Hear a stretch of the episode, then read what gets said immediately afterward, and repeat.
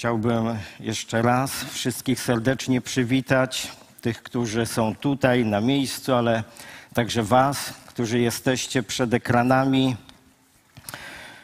Mamy fantastyczny czas wakacji, jak nigdy upały, ale nie każdy lubi. A dzisiaj tak myślałem, jakim słowem się podzielić i od dłuższego czasu Gdzieś e, Bóg dotyka mojego serca i to we mnie pracuje. E, taki temat niełatwy, ale chciałem go dzisiaj przygotować w, takim, w takiej konwencji wakacyjnej. Uczynić go dużo lżejszym, niż może on naprawdę jest w rzeczywistości.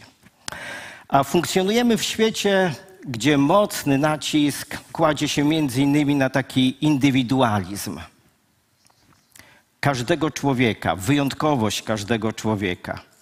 I rzeczywiście Słowo Boże mówi, że każdy z nas jest dla Boga wyjątkowy, indywidualny, niepowtarzalny. I myślę, że lubimy myśleć o sobie w ten sposób, że jesteśmy tacy indywidualni, tacy wyjątkowi. Nawet y, nie wiem, czy wszyscy wiedzą, ale współczesne pokolenie jest określane jako pokolenie płatków śniegu, czyli takich wyjątkowych, bo każdy płatek jest inny. Ale płatek ma to do siebie, że jest bardzo delikatny, nietrwały. Ale pomimo całej tej wyjątkowości, wszyscy mamy wiele cech wspólnych. Kiedyś była taka książka, myślę, że wielu znana, e, do tej pory dosyć popularna. Mężczyźni są z Marsa, kobiety są z Wenus. Kto czytał taką książkę? No jest kilka osób.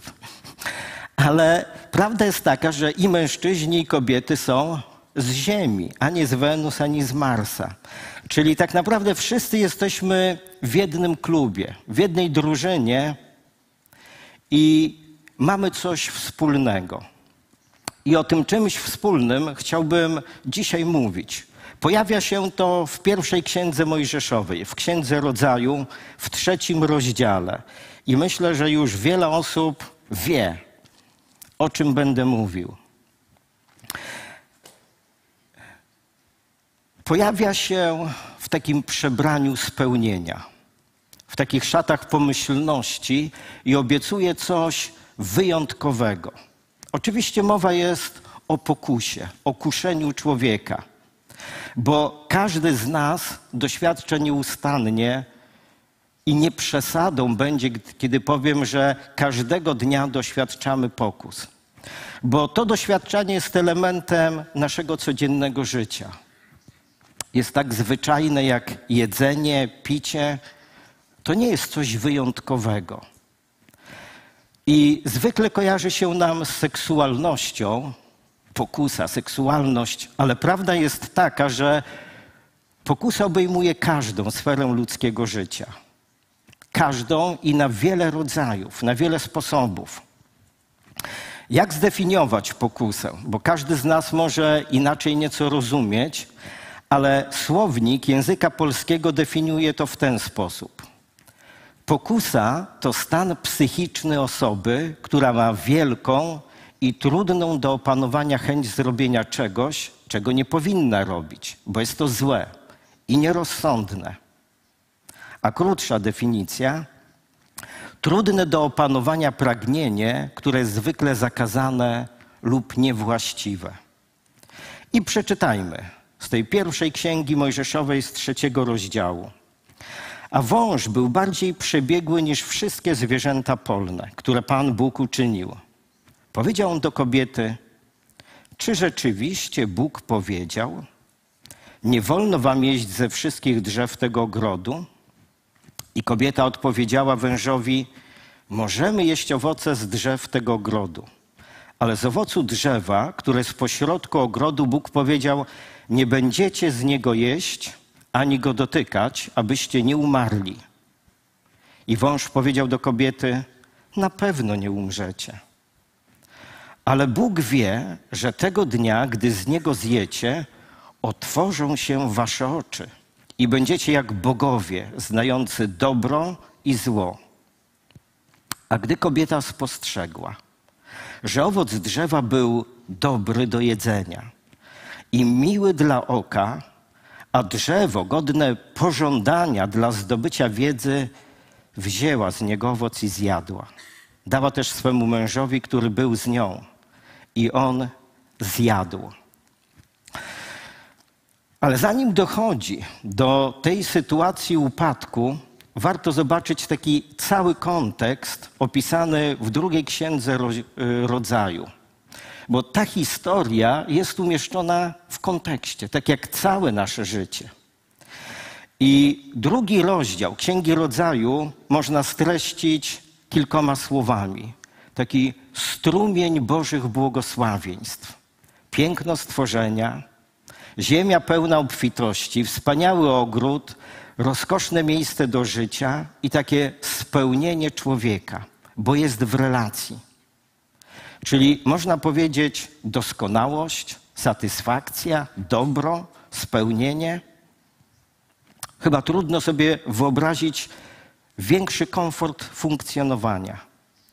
A jednak sytuacja pokusy i upadku ma miejsce właśnie w takich okolicznościach. W okolicznościach dobra, spełnienia. I cała historia zaczyna się od ciekawego dialogu. Taki niby ugrzeczniony. Pojawia się akwizytor szczęścia. Ktoś, kto obiecuje coś niezwykłego. Mówi: Będziecie jak Bóg, osiągniecie sukces, dostąpicie czegoś, co jest niedostępne. Ale wcześniej, zanim ten akwizytor szczęścia daje tę obietnicę, będziecie jak Bóg, wprowadza takie zamieszanie, chaos, dezorientuje, pewne wątpliwości zasiewa. Czy rzeczywiście, czy rzeczywiście Bóg powiedział? I ta myśl, czy rzeczywiście, zaczyna kiełkować. A może Bóg coś przed nami chowa, może Bóg coś ukrywa, a może to, co powiedział, nie jest takie ważne? Może niepotrzebne są takie wyrzeczenia, żeby omijać z daleka coś? Po co tak sztywno trzymać się reguł? Zobaczcie, jak to jest nam bliskie. Po co? I w całej sytuacji zanika taka perspektywa doświadczanego wcześniej dobra. Czyli nie widać już tego całego wspaniałego ogrodu. Nie widać nic poza tym jednym drzewem i jego owocami, które jest godne pożądania, miłe dla oczu. Wiecie, taka fiksacja, zauroczenie, zaślepienie, chwilowy taki amok. Różnie to można określać, ale ten amok taki następuje. Ten człowiek wpada w sytuację takiego zauroczenia. Ale potem przychodzą konsekwencje tej decyzji: gorycz, rozczarowanie, lęk, wstyd. Przestraszyli się, ukryli, zawstydzili. I wiecie, jak spojrzymy na tę sytuację z dystansu, z obecnej perspektywy, może się zastanawiamy, jak to jest, że człowiek jest w stanie odrzucić całe wcześniejsze swoje doświadczenie, historię życia z Bogiem, doświadczanie wielu dobrych sytuacji na rzecz tego, tego jednego, takiego wabiącego elementu. Jak się czyta całą tę historię, to z naszej, tej współczesnej perspektywy to jest takie zaskakujące, bo wydaje się prosta, banalna w takiej swojej naiwności. Widzimy, jak zło przychodzi w przebraniu dobra, ale nasze postrzeganie jest tak jakby z kurtyny. Widzimy jakiś spektakl, a w ręku mamy cały scenariusz tego spektaklu. Wiemy, co nastąpi. I o tyle jesteśmy mądrzejsi, że jesteśmy obserwatorami, a nie uczestnikami. Bo gdy co do czego przychodzi, gdy zaczynamy uczestniczyć, tak jakby wszystko nagle odchodziło. Wchodzimy w jakiś dziwny stan. To czasami podczas teleturniejów jest taka sytuacja, bardzo proste pytanie, i ktoś niby wie, a jednak wpada w taką niepamięć. Zwykle o sobie myślimy, że gdybym to ja tam był, historia potoczyłaby się zupełnie inaczej. Że ja nie dałbym się tak łatwo nabrać na wdzięki, urok takiego akwizytora. A chcę powiedzieć, że ta sama historia niemalże wciąż na nowo miliony razy tak naprawdę rozgrywa się w życiu każdego z nas. Oczywiście jest rozpisana na bardzo różne scenariusze, ale jest jeden taki wspólny schemat tego samego, tych wszystkich historii. Tracimy z oczu całą wcześniejszą perspektywę, czyli zawężamy swoje patrzenie i myślenie. I co robimy? Koncentrujemy się tylko na tej jednej kwestii, która wydaje nam się tak ważna, godna pożądania. I spełniamy swoje pragnienie. I prawdą jest, że chwilowo doświadczamy spełnienia. Ale za chwilę przychodzą konsekwencje, bolesne skutki naszego wyboru. I warto zapamiętać takie cztery kluczowe prawdy o naturze każdej pokusy. Po pierwsze, dotyczy każdego z nas. Każdego. Nikt nie jest wolny. Wszyscy bez wyjątku doświadczamy pokus.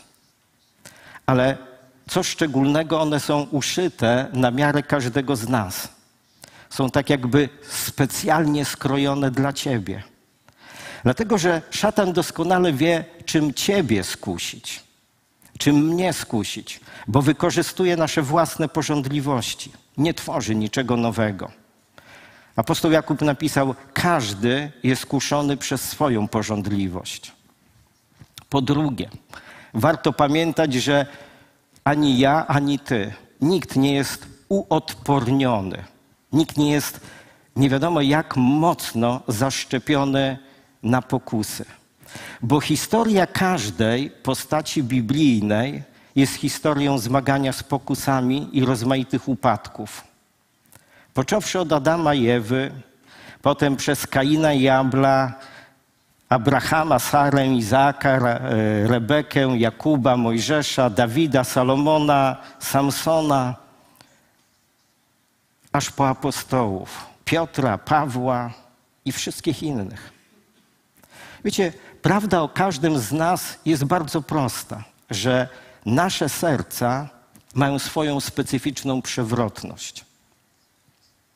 Może to nie jest radosna nowina, ale to jest prawda. To jest prawda o każdym z nas. A nasze zadanie, czujniej niż wszystkiego innego, strzec swojego serca. Ale pomimo tego, że mamy przewrotność w swoich sercach, kluczowa myśl – Pamiętajmy, że Bóg kocha nas w pełni, pomimo tej przewrotności, pomimo tych upadków. Trzecia rzecz co do pokus, to zwykle przychodzi pod fałszywą postacią spełnienia. Ona coś obiecuje. Zazwyczaj przebrana jest w szaty jakiegoś dobra, godnego pożądania. Obiecuje coś, co ma dać, dać jakieś spełnienie, którego oczywiście nie da. Ale za tymi pozorami osiągnięcia spełnienia stoi jakieś kłamstwo, jakaś fikcja, zwiedzenie. I czwarta rzecz, zawsze. Czasami nam się wydaje, że nie jakoś się przed pokusami wywinę, przed konsekwencjami, ale zawsze pokusa ma konsekwencje. Zawsze przynosi jakieś zniszczenie, zepsucie, zranienie, rozczarowanie, jakiś gorzki owoc. I wiecie, z czym zostajemy? Z taką myślą. Spodziewałem się czegoś innego. Gdybym tylko wcześniej wiedział, gdybym wcześniej wiedziała, nie zrobiłbym tego. Ale gorycz zostaje. A ja dzisiaj chciałbym, byśmy spojrzeli na pokusy troszkę inaczej. Nie z z perspektywy tego upadku i przygnębienia tylko może trochę przewrotnie, przez taki pryzmat duchowego wymiaru i Bożego planu dla człowieka. Jakie ona może nam przynieść błogosławieństwo?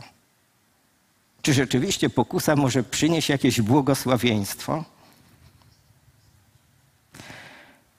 Wydaje mi się, że tak, jeśli tylko dobrze podejdziemy. Chciałbym przedstawić takie dwa aspekty tego błogosławieństwa. Po pierwsze, pokusa, która prowadzić może w konsekwencji do oczyszczenia. Bo my zwykle myślimy, pokusa prowadzi do upadku. Ale chciałbym pokazać pokusę jako coś, co może prowadzić do oczyszczenia. Dlaczego? Bo Słowo Boże mówi, że Bóg chce nas mieć oczyszczonych, wypróbowanych. On chce prowadzić każdego z nas do przemiany serca i umysłu. Apostoł Piotr w pierwszym swoim liście napisał takie słowa, pierwszy rozdział, siódmy werset. A żeby wypróbowana wiara wasza okazała się cenniejsza niż znikome złoto, w ogniu wypróbowane, ku chwale i czci i sławie, gdy się objawi Jezus Chrystus. Apostoł Paweł w liście do Efezjan mówi takie słowa, moje ulubione, to są między innymi słowa, czwarty rozdział. Zewleczcie z siebie starego człowieka wraz z jego poprzednim postępowaniem, którego gubią zwodnicze żądze. I odnówcie się w duchu umysłu waszego, a przyobleczcie się w nowego człowieka, które jest stworzone według Boga w sprawiedliwości i świętości prawdy. I gdy spojrzymy, to w tym kontekście pokusa pełni taką rolę jakby skalpela. Chirurg bierze skalpel i tnie. Czyli ten skalpel pokusy przenika do naszych głębin duszy, dociera do serca i co robi? Obnaża to, co jest ukrytego. I jeszcze nieprzemienionego, to, co jest niepoddane Bogu. Czyli, krótko mówiąc, pokusa pokazuje naszą słabość, bo ona wyszła na jaw. Bo Bóg chce nas mieć oczyszczonych, byśmy ją zobaczyli, byśmy sobie uświadomili, jacy tak naprawdę jesteśmy, z czym walczymy, jakie porządliwości są jeszcze w nas, które wymagają właśnie usunięcia. Dlaczego? Bo jeśli nie będą usunięte, a my nie damy im, a my damy im przestrzeń do życia, do realizacji, to ta pokusa zrodzi w konsekwencji naszą śmierć duchową, doprowadzi do upadku. Jakub napisał w ten sposób. Niechaj nikt, gdy wystawiony jest na pokusę, nie mówi: Przez Boga jestem kuszony. Bóg bowiem nie jest podatny na pokusy do złego. Ani sam nikogo nie kusi, lecz każdy bywa kuszony przez własne porządliwości, które co robią? Go pociągają, nęcą. Potem, gdy porządliwość pocznie, rodzi grzech, a gdy grzech dojrzeje, rodzi śmierć. I w tym kontekście pokusa ma pewne zadanie, byśmy otworzyli swoje duchowe oczy, zobaczyli to, na co wcześniej może byliśmy ślepi lub wcześniej ignorowaliśmy, bagatelizowaliśmy, z czym po prostu nie chcieliśmy do tej pory się rozprawić, bo prawda jest taka, że pokusy uszyte na miarę każdego z nas są nam bliskie i słodkie nam. Są miłe. Mogą prowadzić do upadku, ale są miłe. A Bóg chce wziąć taki skalpel i to obnażyć, usunąć, otworzyć nasze oczy, byśmy nie byli ślepi na to, co prowadzi do upadku. A druga rola pokusy, jako tego elementu błogosławieństwa, to taki element duchowych zmagań, walki, zahartowania nas do dojrzałego, odpowiedzialnego życia. Apostoł Piotr mówi w swoim liście piąty rozdział pierwszego listu, bądźcie trzeźwi i czuwajcie. Przeciwnik wasz diabeł chodzi w koło jak lew ryczący, szukając kogo by pochłonąć. Przeciwstawiajcie mu się mocni w wierze. Diabeł zrobi wszystko, by zniszczyć naszą relację z Bogiem. Wszystko. Posuwa się do każdej metody, byleby tylko odciągnąć zniszczyć wiarę, zniszczyć relacje między nami, zabić naszą wiarę. okraść nas z nadziei, spokoju, z bezpieczeństwa. Bóg ma jakieś dobro dla każdego z nas.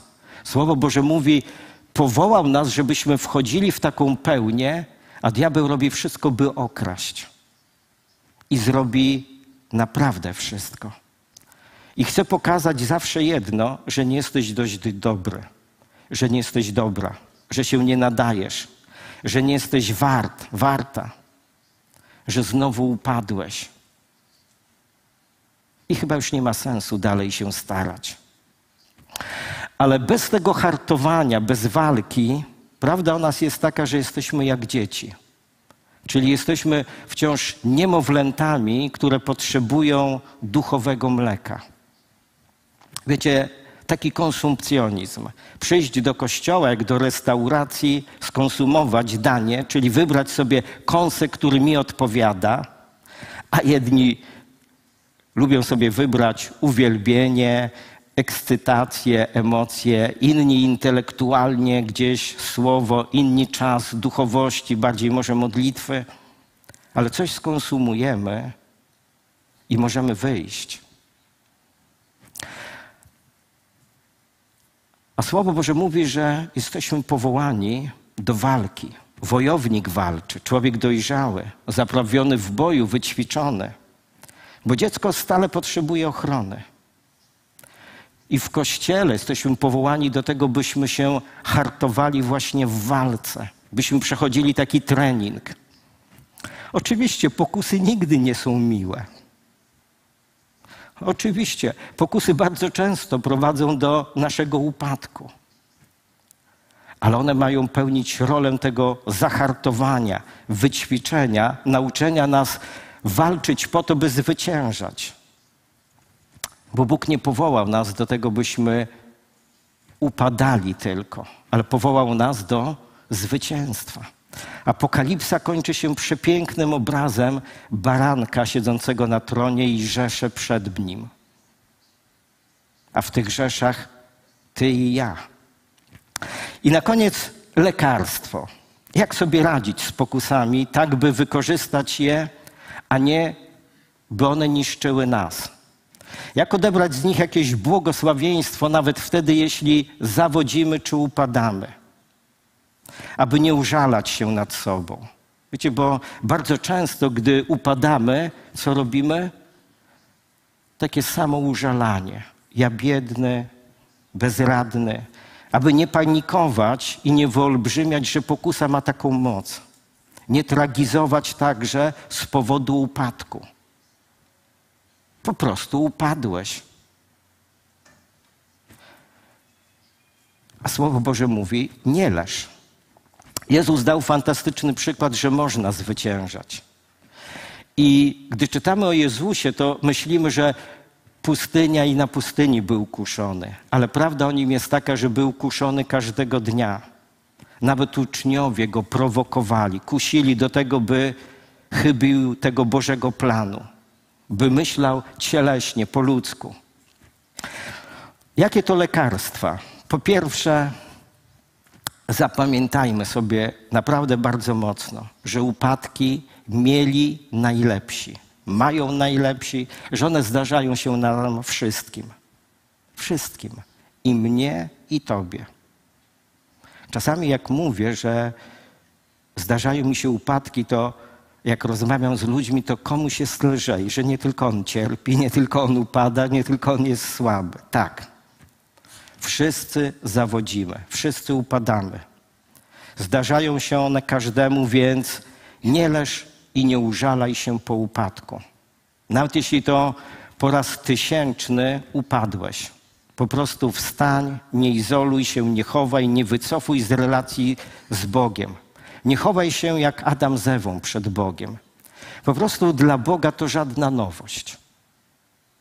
My czasami się dziwimy, że zawiedliśmy. Czy Bóg o tym nie wie? Dla Boga żadna nowość, że go zawiodłeś. On wie, że jesteśmy kruchym tworem. Dlatego przychodzi, by podnieść człowieka, nie oskarżyć. Jest tylko jeden oskarżyciel szatan, który przychodzi, by oskarżać dniem i nocą. Apostoł Jan napisał piękne słowa w swoim liście. Jeśli wyznajemy grzechy swoje, wierny jest Bóg i sprawiedliwy i odpuści nam grzechy i oczyści nas od wszelkiej, kochani, od wszelkiej nieprawości. Oczyści nas. To, że upadłeś po raz tysięczny, zawiodłeś, rozczarowałeś i okazało się, że jesteś naprawdę słaby, słaba, Bóg oczyści od wszelkiej nieprawości. Druga rzecz, która jest bardzo dobrym antidotum. Żyj w prawdzie o sobie. Czyli nie oszukujmy siebie, że jesteśmy mocarzami, że jesteśmy tacy super, dobrzy, że damy sobie radę, że jest wszystko ok. Szczerość to nazywanie uczciwie swoich słabości po imieniu, tych niezmienionych zachowań, tych cech charakteru, które nie są dobre, a które tak chętnie byśmy ukrywali. Pamiętając oczywiście, że Bóg kocha człowieka całego w pełni. Więc nie musimy bać się Jego odrzucenia, bo On i tak wie. On przenika wszystko, każdą myśl. Wyobrażacie sobie każdą Twoją głupią myśl, Bóg zna, wie i Bóg z tym nie ma problemu.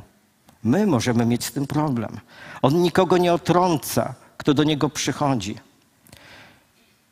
W Ewangelii Jana czyta, czytamy te słowa, kiedy Pan Jezus mówi: Przyjdźcie do mnie wszyscy. Jeśli jesteście utrudzeni, zmęczeni, rozczarowani, przyjdźcie do mnie. Czyli nie udawajmy kogoś, kim nie jesteśmy. Czasami mam wrażenie, że w relacjach zawsze próbujemy wypaść lepiej, niż w rzeczywistości funkcjonujemy. A ważna rzecz, Bóg kocha Ciebie, a nie Twój wymarzony ideał siebie. Powtórzę to. Bóg kocha Ciebie prawdziwego, a nie Twój wymarzony ideał siebie. Tak jak Ty byś o sobie marzył, jakim byś chciał być idealnym. Bóg kocha Ciebie prawdziwego, kruchego, słabego. I prawda o każdym z nas jest prozaicznie prosta. Jesteśmy słabi, kruchej natury, a jedynie moc przychodzi z góry, od Niego, od Ojca Światłości. To nie jest Twoja moc, że możesz powiedzieć o sobie, udało mi się, jestem taki dobry. Nie. W słabościach Bóg chce objawiać swoją moc, w Twoich słabościach. Ale trzecia rzecz, jako lekarstwo, która jest niezwykle ważna. Zasada jest taka: nie baw się zapałkami. Nie igraj z ogniem. Apostoł Paweł daje świetną radę w liście do Tesaloniczan 5:22. Od wszelkiego rodzaju zła z dala się trzymajcie. Od wszelkiego rodzaju zła z dala się trzymajcie. Dwie takie historie chciałbym powiedzieć o igraniu, o bawieniu się zapałkami. Dosłownie. Kiedyś chyba przed 40 laty, ciągle niedawno dla mnie. Jak byłem na studiach z kumplem, poszliśmy do lasu. Chyba miałem wtedy 21 albo 22 lata. Piękna wiosenna pogoda, słońce, w lesie suchutko, trawy wysuszone. Dwóm dzielnym komandosom zachciało się rozpalić ognisko. Wiał dosyć silny wiatr. Ale co tam? Ja nie dam rady? Ja? Rozpaliliśmy ognisko i w jednym momencie, jak powiał wiatr, ogień tak się rozprzestrzenił, że nie daliśmy rady ugasić. Momentalnie zajęły się suche trawy, małe drzewka. I co zrobiliśmy? Oczywiście uciekliśmy. Historia się przedawniła, ale trochę lasu spaliło się. Oczywiście nic wielkiego, groźnego się nie stało. Przybiegli zaraz ludzie z okolicznej miejscowości, to było niedaleko wsi. Ale to mi pokazało, jak łatwo igrać, jak łatwo myśleć o sobie, ja nie dam rady. Druga historia dotyczy mojego znajomego, który przed laty opowiadał mi swoje doświadczenie. Przez długi czas zmagał się z pornografią, ale podjął decyzję, że chce żyć dla Boga lepszym życiem. Walczył z tym, modlił się o to i przez kilka miesięcy był już wolny. I miał taką radość w swoim sercu: jestem wolny, już mnie to nie dotyczy. I pewnego razu, gdy tak siedział wieczorem, przyszła mu myśl, a może zobaczę, czy jestem wolny. A może zobaczę, czy już mnie to nie dotyczy. I co zrobił? Oczywiście wszedł na strony, na które nie powinien wchodzić. I co się okazało? Że jak wir go wciągnęły. I z płaczem i bólem później wyznawał, że znowu przez długi czas zmagał się z problemem. Czyli prawda jest taka, byśmy trzymali się z daleka od rzeczy złych. Nie wchodź na drogę zła. Zło zawsze będzie złem. Zło zawsze niszczy. Zło zawsze ciebie ukąsi. I czwarta kluczowa rzecz, jako lekarstwo. Trzymaj się Boga i nie zapominaj Jego dobrodziejstw. To jest fraza z psalmu. Nie zapominaj Jego dobrodziejstw. Pamiętaj o Jego dobrodziejstwach. O tym, co Jemu zawdzięczasz w przeszłości. Bo historia każdego z nas też jest w jakimś kontekście. Tak jak mówiłem o tej historii Adama i Ewy w kontekście dobra, tego, co Bogu zawdzięczali. Pamiętajmy o Jego dobrodziejstwach. Ale nie tylko o tym, co w przeszłości, ale pamiętajmy też o swoim powołaniu. Bóg nas powołał do siebie, do relacji. Powołał nas, abyśmy zdobywali tę swoją pełnię. Pamiętaj o swojej przyszłości. Nie wiem, czy pamiętacie tę scenę z Króla Lwa. Ja bardzo lubię tę scenę, kiedy słyszy ten głos Simba, pamiętaj, kim jesteś. Ja zawsze to sobie biorę do siebie. Pamiętaj, kim jesteś. Pamiętaj o swojej przyszłości, bo nie jesteś sam. Pan jest Twoim pasterzem. Pan. I podsumowując, wznieśmy się ponad swoje dotychczasowe życie z pokusami. Niech pokusy nie kojarzą nam się tak tradycyjnie z tymi upadkami, z tą destrukcją. Niech pokusy kojarzą się nam z Bożą miłością. Oto Bóg bierze skalpel do ręki i chce wyciąć chorą tkankę, usunąć taki nowotwór, bo chce mieć nas zdrowych, czystych, uświęconych. Wykorzystajmy pokusy, by po prostu stawać się bardziej dojrzałymi. One nie są powodem do chluby, ale Bóg mówi: Z Tobą jestem, dasz radę, bo ja jestem Twoim pasterzem. I zamiast zła, niech przynoszą nam jeszcze bliższą relację z Bogiem. Amen. Zamiast zła, pomyśl, pokusa, niech przyniesie Tobie głębszą relację, bo to Pan naprawdę jest z Tobą i jest Twoim pasterzem.